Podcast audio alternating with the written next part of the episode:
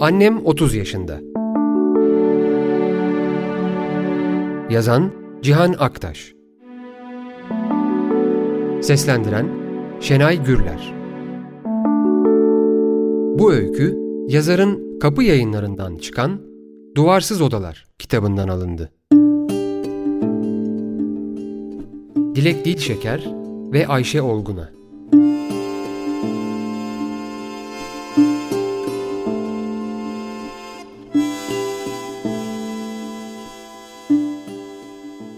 gece yine rüyama girdi annem. Çok kanallı televizyonlara geçildikten sonra başlamış olabilir bu değişim. Annemli rüyalarım siyah beyaz filmlere benziyor. Ve siyah beyaz filmler gibi beni içlerine çekiyorlar. Sıradan diyorum. Yaşlanmaktayım.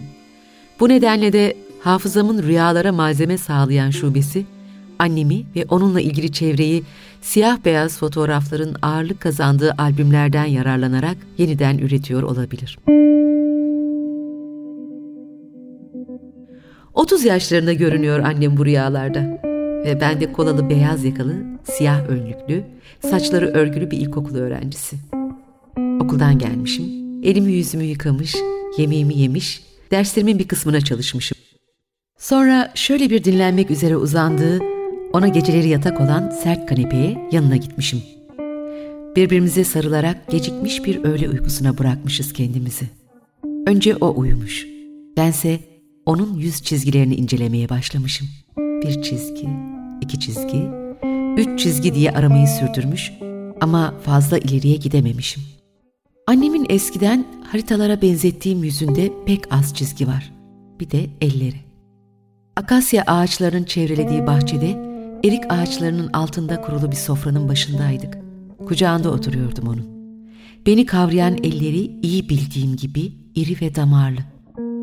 Sonra Luna Park'ta buluyorum kendimi. Ama annem yanımda değil.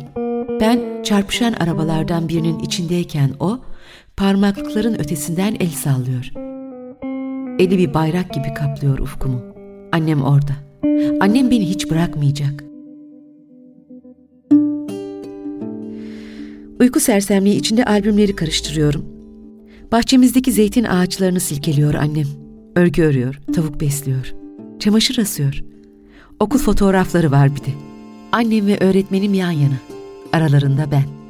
Suzan öğretmenim annemi annem olarak tanıtmaktan ya da annemin yanındayken onun kızı olarak anılmaktan sıkıldığımı fark eden ilk kişi olabilir.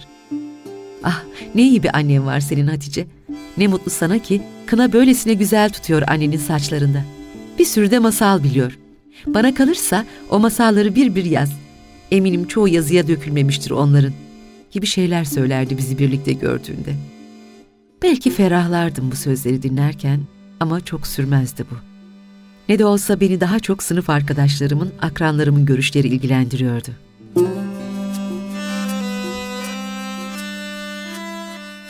Yaşlı annemi evin içinde başka, evin dışında daha başka algılıyorum. İçeride sonsuzca yaşayacakmış gibi ama dışarıda ölüme yaklaşıyor.'' İçerinin ışığında çizgileri makul. Dışarıdaysa onu anneannelere katan derinlikte. Evde kucağından inmiyor ama dışarıda duruma göre yanında yürümekten kaçınmayı marifet sayıyorum. Otobüste konuştuğumuzda anne dememeye özen gösterdiğimi de iyi hatırlıyorum. Farkındaydı bu çabalarımın ki bozmazdı beni. Ve sanki bana katılarak 60'ını geçtiği halde küçük bir kızı var diye utanırdı.''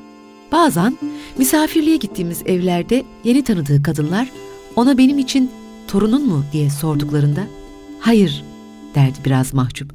Tekne kasıntısı.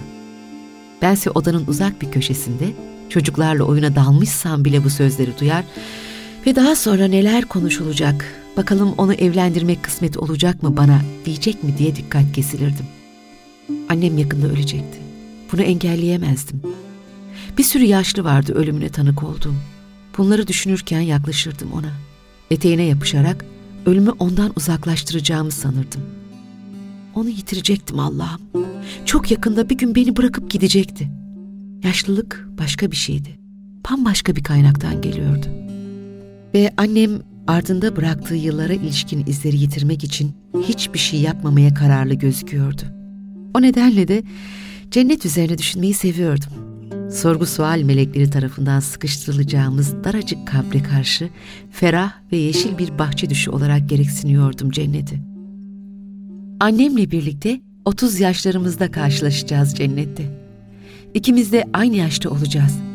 Böyleyken kızı olarak sarılacağım ona ve kokusunu, sıcaklığını yoklayacağım. İçerisi ve dışarısı arasında yaşadığım gelgitler, bir durumdan ötekine geçme ya da geçememe, birini ötekine uyduramamamayla ilgili saçma sapan çabalarımın hiçbiri gerekmeyecek orada. Annen kaç yaşında ki diye sorduklarında arkadaşlarım, birkaç yaş eksik söylemeye çalışıyordum. Ama boşuna. 50, 55 ya da 45. Aynı şeydi arkadaşlarımın gözündeki annem çok daha yaşlıydı. 60'ının üstündeydi. Bitki köklerinin kemirildiği seferberlik günlerinden, ilk kez fotoğraf çektirmelerden, soyadı aramalardan, karartmalı gecelerden, şeker yerine çayın kuru üzümle içildiği karneli zamanlardan ine çıka yaptığı hesaplara bakılırsa, anneannem olacak kadar yaşlı bir kadındı. Ah anneciğim, seni sevdiğimi bilirdin. Ama bu sevgiyi göstermekten kaçındığım zamanları da bildiğini düşünerek kendimi suçlu hissetmekten kurtulamıyorum. Saçlarını hatırlıyorum çünkü. Yer yer kınalı beyaz saçlarını. Bazen saçlarının karşı komşumuz Nurhan ablanınki gibi uzun ve siyah olduğunu kurarak resimlerini yaptığımı hatırlıyorum. Annem olamayacak kadar gençti Nurhan abla. 19 yaşındaydı ve yeni evliydi. Saçlarını çoğu kez topuz yapardı. Bir keresinde banyo yaptıktan sonra saçları kurusun diye pencereden güneş ışınlarının düştüğü bir yere oturmuş durumda yakalamıştım annemi. Ve elimdeki tarakla, fırçayla saçlarını Nurhan ablanınkine benzetmek için uğraşmıştım ama olmamıştı. Hayır, olmuyordu. Yeniden başlıyor, biraz benzetir gibi oluyor ama tamama erdiremiyordum.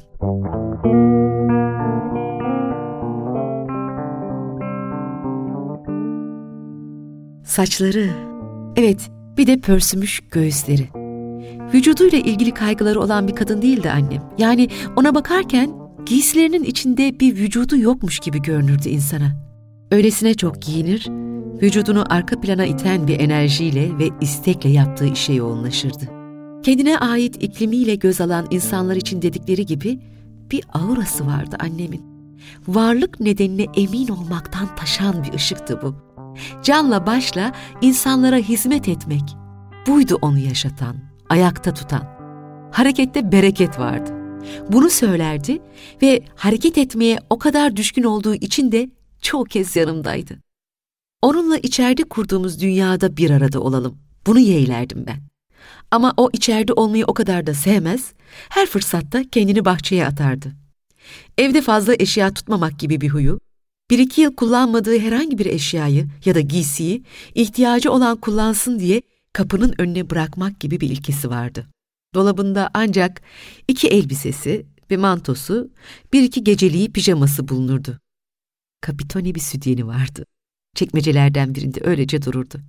Bazen taksın isterdim ama sıkıntıya gelemediğini söylerdi.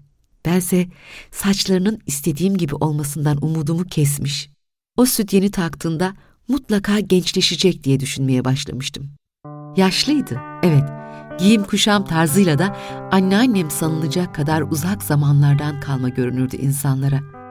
Ve ben her sokağa çıkışımızda karşılaşacağımız birilerinin ona benim için torunun mu diye soracaklarını düşünerek kaygılanmadan edemezdim. Bu nedenle okula, okul toplantılarına, müsamerelerine gelmesini istemediğimi de söylemeliyim. Ama o gelirdi Genç annelerde bile eşine rastlanmayabilecek bir titizlikle tam zamanında katılırdı veli veya okul aile birliği toplantılarına. Söze karışmasa da sonuna kadar anlatılanları dikkatle dinler ve velilere bir soru soruluyorsa işe yarayacak cevaplar vermekten geri kalmazdı.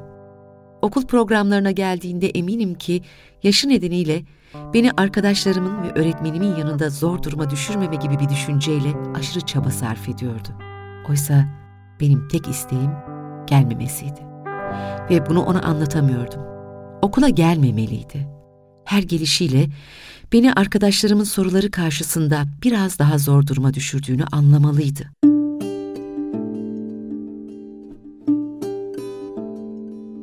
Bardakta soğan filizi yetiştirdiğimiz fen dersi ödevini hatırlıyorum. Çok da iyi bir sonuç alamadığım için evde bırakmıştım onu. Ve annemi daha ilk dersin başında sınıfın kapısının aralığında elinde bardakla nefes nefese gördüğümde iki türlü duyguyla utanca kapılmıştım. İlk olarak evden aceleyle çıktığı haliyle her zaman olduğundan daha yaşlı görünüyordu. İkinci olaraksa bana yani geç yaşına rağmen doğurduğu çocuğuna annelik görevleri bakımından eksiklik yaşatmamak için aşırı gayret sarf ettiğini sanki ilk kez fark ediyordum. Suzan öğretmenim içeri çağırıp da biraz dinlenmesi için sandalyesine oturturken onu bu duyguların verdiği bir ağırlıkla yerimden kıpırdayamadım. Sonra yavaş adımlarla doğruldum yerimden. Ve isteksizce anneme yönelerek bardağı elinden aldım. Orada oturan kadın annem değildi de bir yabancıydı sanki. Öylesine soğuktu duruşum. Yaşlı olmakla kalmıyordu. Kitaplarda fotoğraflarına yer verilen anne modellerinden de çok farklıydı. Daha ziyade o model kadınların tam tersi bir yerde duran, çağ dışı, modern olmaktan uzak kadınların safında duruyordu.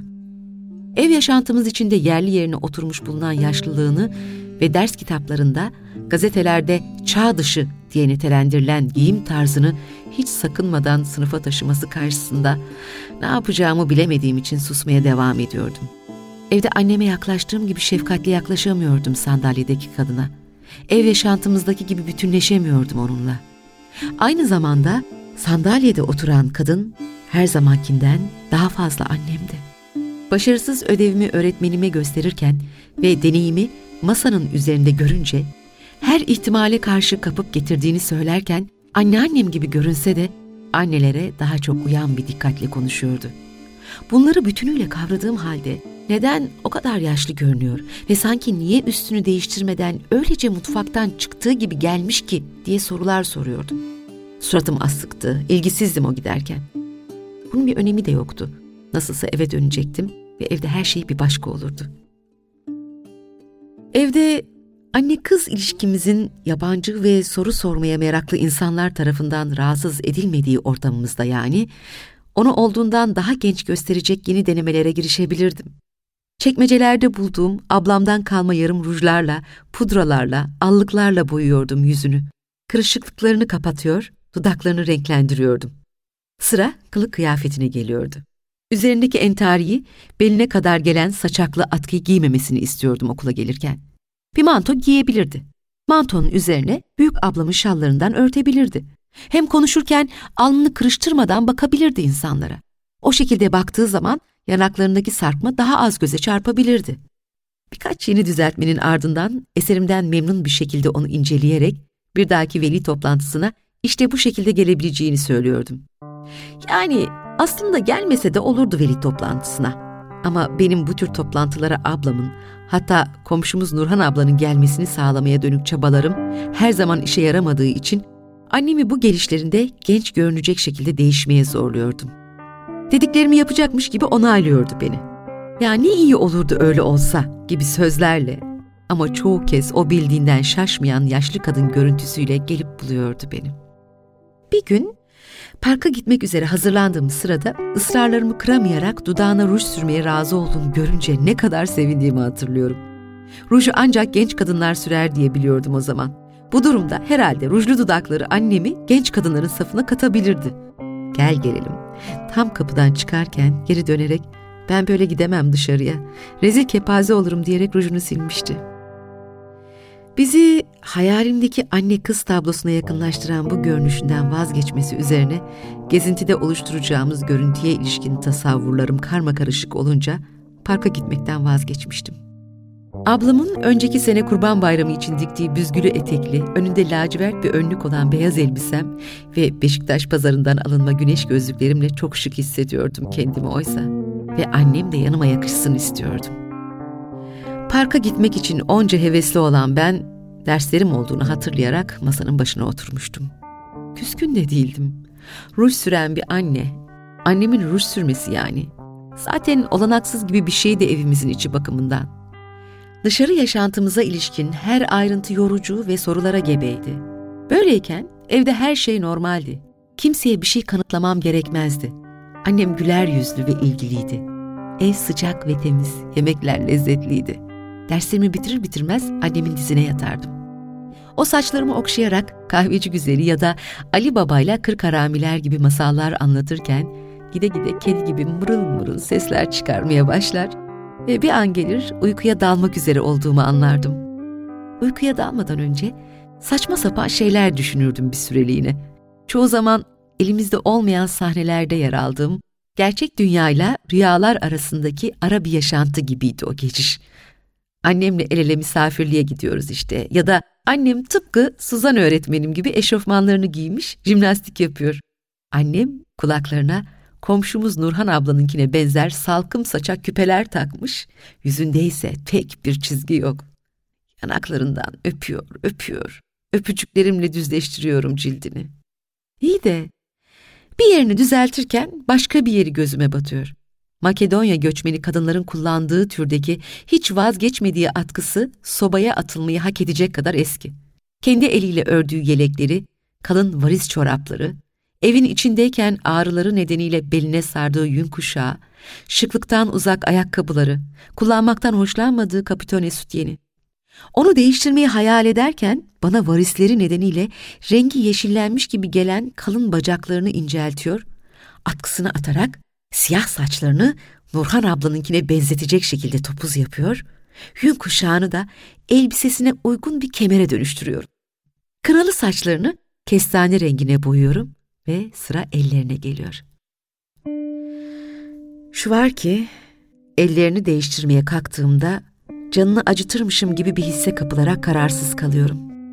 Ellerinin cildi değiştirilemeyecek denli kalın ve kararlı görünüyor. Kalın ve kararlı ve etrafını çevreleyen enerjiyle bütünleşmiş. Bulaşık, çamaşır, temizlik, yemek, bahçe bakımı gibi işlerin çeşitli izler bıraktığı ellerini değiştirmekte zorlanıyorum.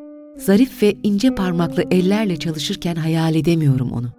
Teninin kokusu, bakışları ve sıcaklığı gibi elleri de annemle fazlasıyla bütünleşmiş. Bir diğer hayalim, hatta tasarım, ona okuma yazma öğretmek.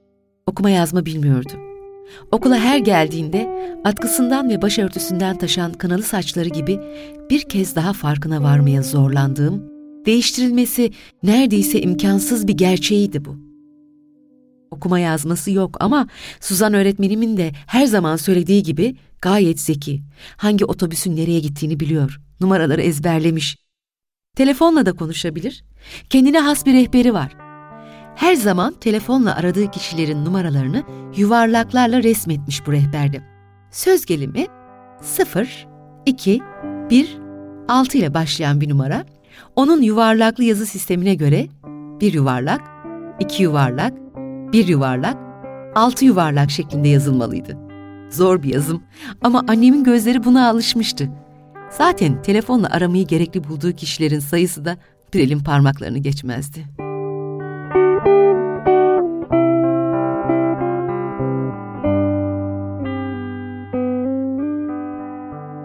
Rüya ile gerçek arasındaki geçiş alanında annem elinde bir kitapla kanepeye uzanmış bir kadın. 30 yaşında. Saçlarını Nurhan abla gibi topuz yapmış. O değişim çok önemli de değil hem. Nasılsa mezuniyet törenime annem değil de başka bir şehirde yaşayan ablam gelecek bana söz verdi.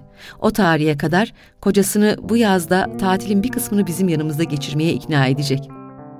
Bu tür hayaller ve tasarılarla uykuyla uyanıklık arasında gidip gelirken ben gece vardiyasından dönen babamın çıkardığı hafif gürültülerle gözlerimi açıyordum.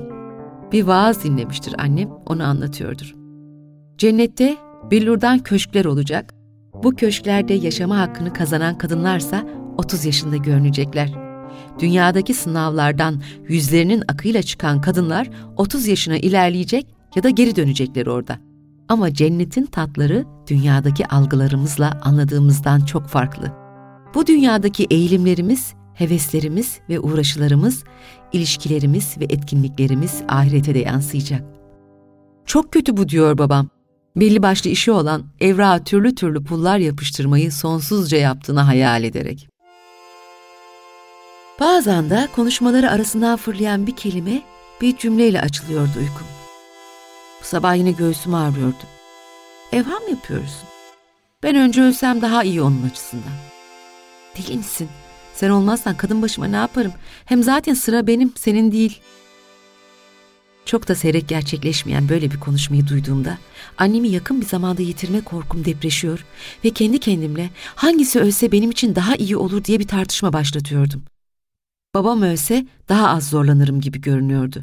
Ama zorunlu kaldığım bir gerçekçilikle annem ondan önce ölür herhalde diye karar veriyordum düşündüğümde. Annem daha yaşlıydı babamdan ve hastalıklardan yakınan da daha çok o oluyordu. Böyleyken dünyaya daha erken veda eden babam oldu. Bir trafik kazasında öldü. Eceliyle değil. Bir motosikletli köşeyi dönerken yolundan saptı ve bütün hızıyla kaldırımda kendi halinde yürüyen babamın üzerine yürüdü. Annemi yitirme korkum daha da yoğunlaştı bu kaza nedeniyle. Normal ecel yanında bir de kazalar vardı çünkü. Ve babamın ölümü sırasında duyduğum konuşmalar, trafik kazasıyla giden canların ecel ölümlerinden hiç de aşağı kalmadığını gösteriyordu. Ölüm her yerden yağıyordu. Kara, deniz ve hava yollarından, taksilerden, otobüslerden, tankerlerden, trenlerden, uçaklardan ve özellikle motosikletlerden. Bugün üst geçidi olmayan geniş caddelerden geçmekte hala zorlanışım, uçağa binmemek için her yolu deneyişim, araba kullanmaktan kaçınışım ve elbette ara sokaklarda dahi kaldırımda yürürken bile sakınımlı davranışım, babamı yitirdiğim o kazadan sonra hayatımızdan hiç eksilmeyen konuşmalardan fazlasıyla etkilendiğimin göstergeleri. Ölümün nereden nasıl geleceği hiç belli olmuyordu. Ve annem yaşamalıydı. Yeteri kadar, gerektiği, mümkün olduğu kadar yaşamalıydı. Ölürse ne yapardım? Nerede kalırdım? Kiminle kalırdım? Ablam bakar mıydı bana? Nereye sığınırdım? Amcam beni yanına kabul eder miydi? Okula devam eder miydim? Yoksa Kemalettin Tuğcu kitaplarındaki çocukların başına sıkça geldiği gibi yanına sığındığım akrabalar için bir tür hizmetçi, besleme, ahretlik yerine mi geçerdim? Para mesele olmayacaktı. Babamdan bir maaş bağlanmıştı bana. Bankada da adıma yatırılmış bir miktar para vardı. Bunları kaç kez söylemişti annem. Ama paralı olmak her şeyin çözümlendiği anlamına gelmezdi. Bankadaki parayı nasıl çekerdim? Ne yapmam gerekirdi? Kimden yardım isterdim? Peki ya elektrik su faturalarını nasıl yatırırdım?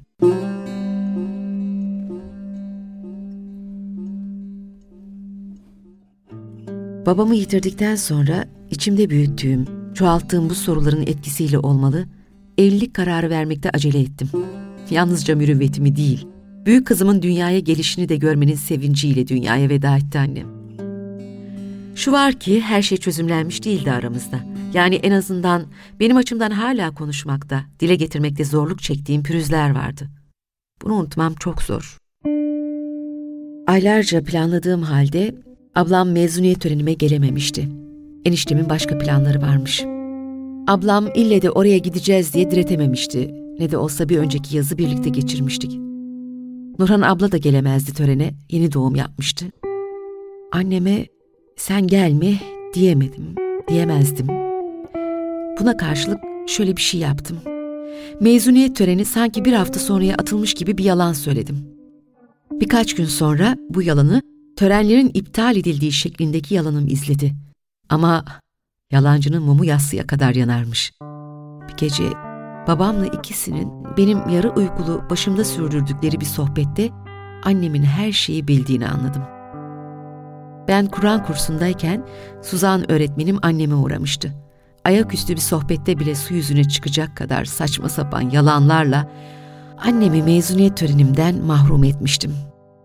Yüzü sütlaç yüzüne benzetilebilir yine diye, okuma yazma bilmediği için kendine has telefon rehberiyle ilgili konuşmalar sınıf arkadaşlarımın dilinde dolaştığı için.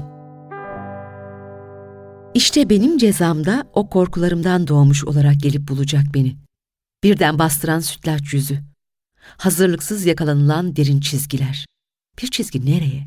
Hangi yaşa kadar geciktirilebilir, örtbas edilebilir? Günün birinde en derin haliyle yüzümü işgal ederek gençlik dönemini uzatmaya hevesli bakışlarımı gülünç duruma düşürecekler. İçim dışıma uymuyor. Hiçbir zamanda uymadı. Bana öyle geliyor ki bütün hayatım boyunca içimi ve dışımı birbirine uyduramamanın sıkıntısıyla yaşadım. İçerisi ve dışarısı arasına kalın bir duvar örmeyi gerekli bulduğum çocukluk yıllarımda yaşlı biri gibiydim. annemin tekne kasıntısı can yoldaşı olarak. Orta yaşlarda yol alırken de yaşımın kalıbına uymadığım şeklinde eleştiriler alıyorum. Aa, en az 10 yaş genç gösteriyorsunuz gibi iltifatlara ilaveten. Hangi yaştayım ben? Bunu düşünüyorum ve yaşımı büyük ölçüde annemi mezuniyet törenimden alıkoyduğum o seneye kilitlediğim gibi bir duyguya kapılıyorum. O kadar da yaşlı bulunmamanın da bir sınırı var. Bakışlarımın yüz çizgilerimi gölgede bıraktığı yıllarda gelecek. Öyle mi diyecekler. Demek bu yaştasınız. Ama inanın her yaşın bir güzelliği var.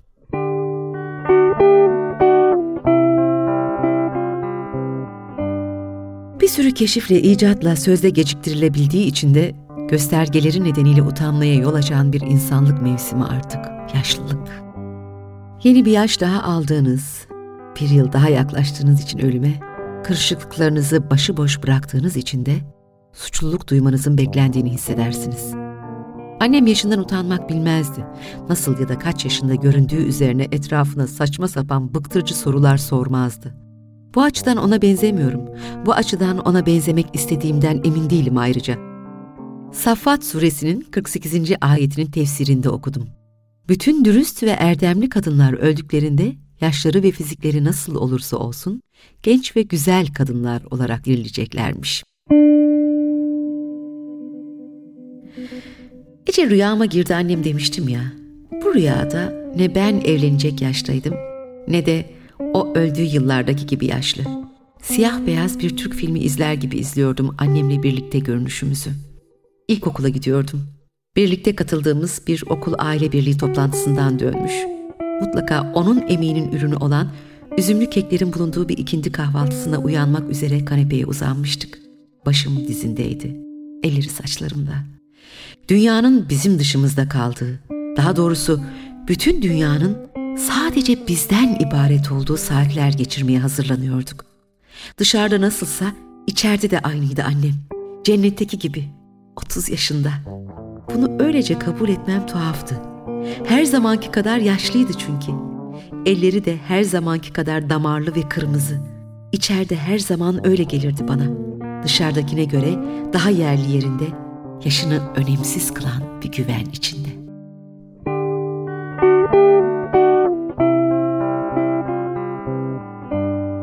Cihan Aktaş'ın Annem 30 yaşında öyküsünü Şenay Gürler seslendirdi.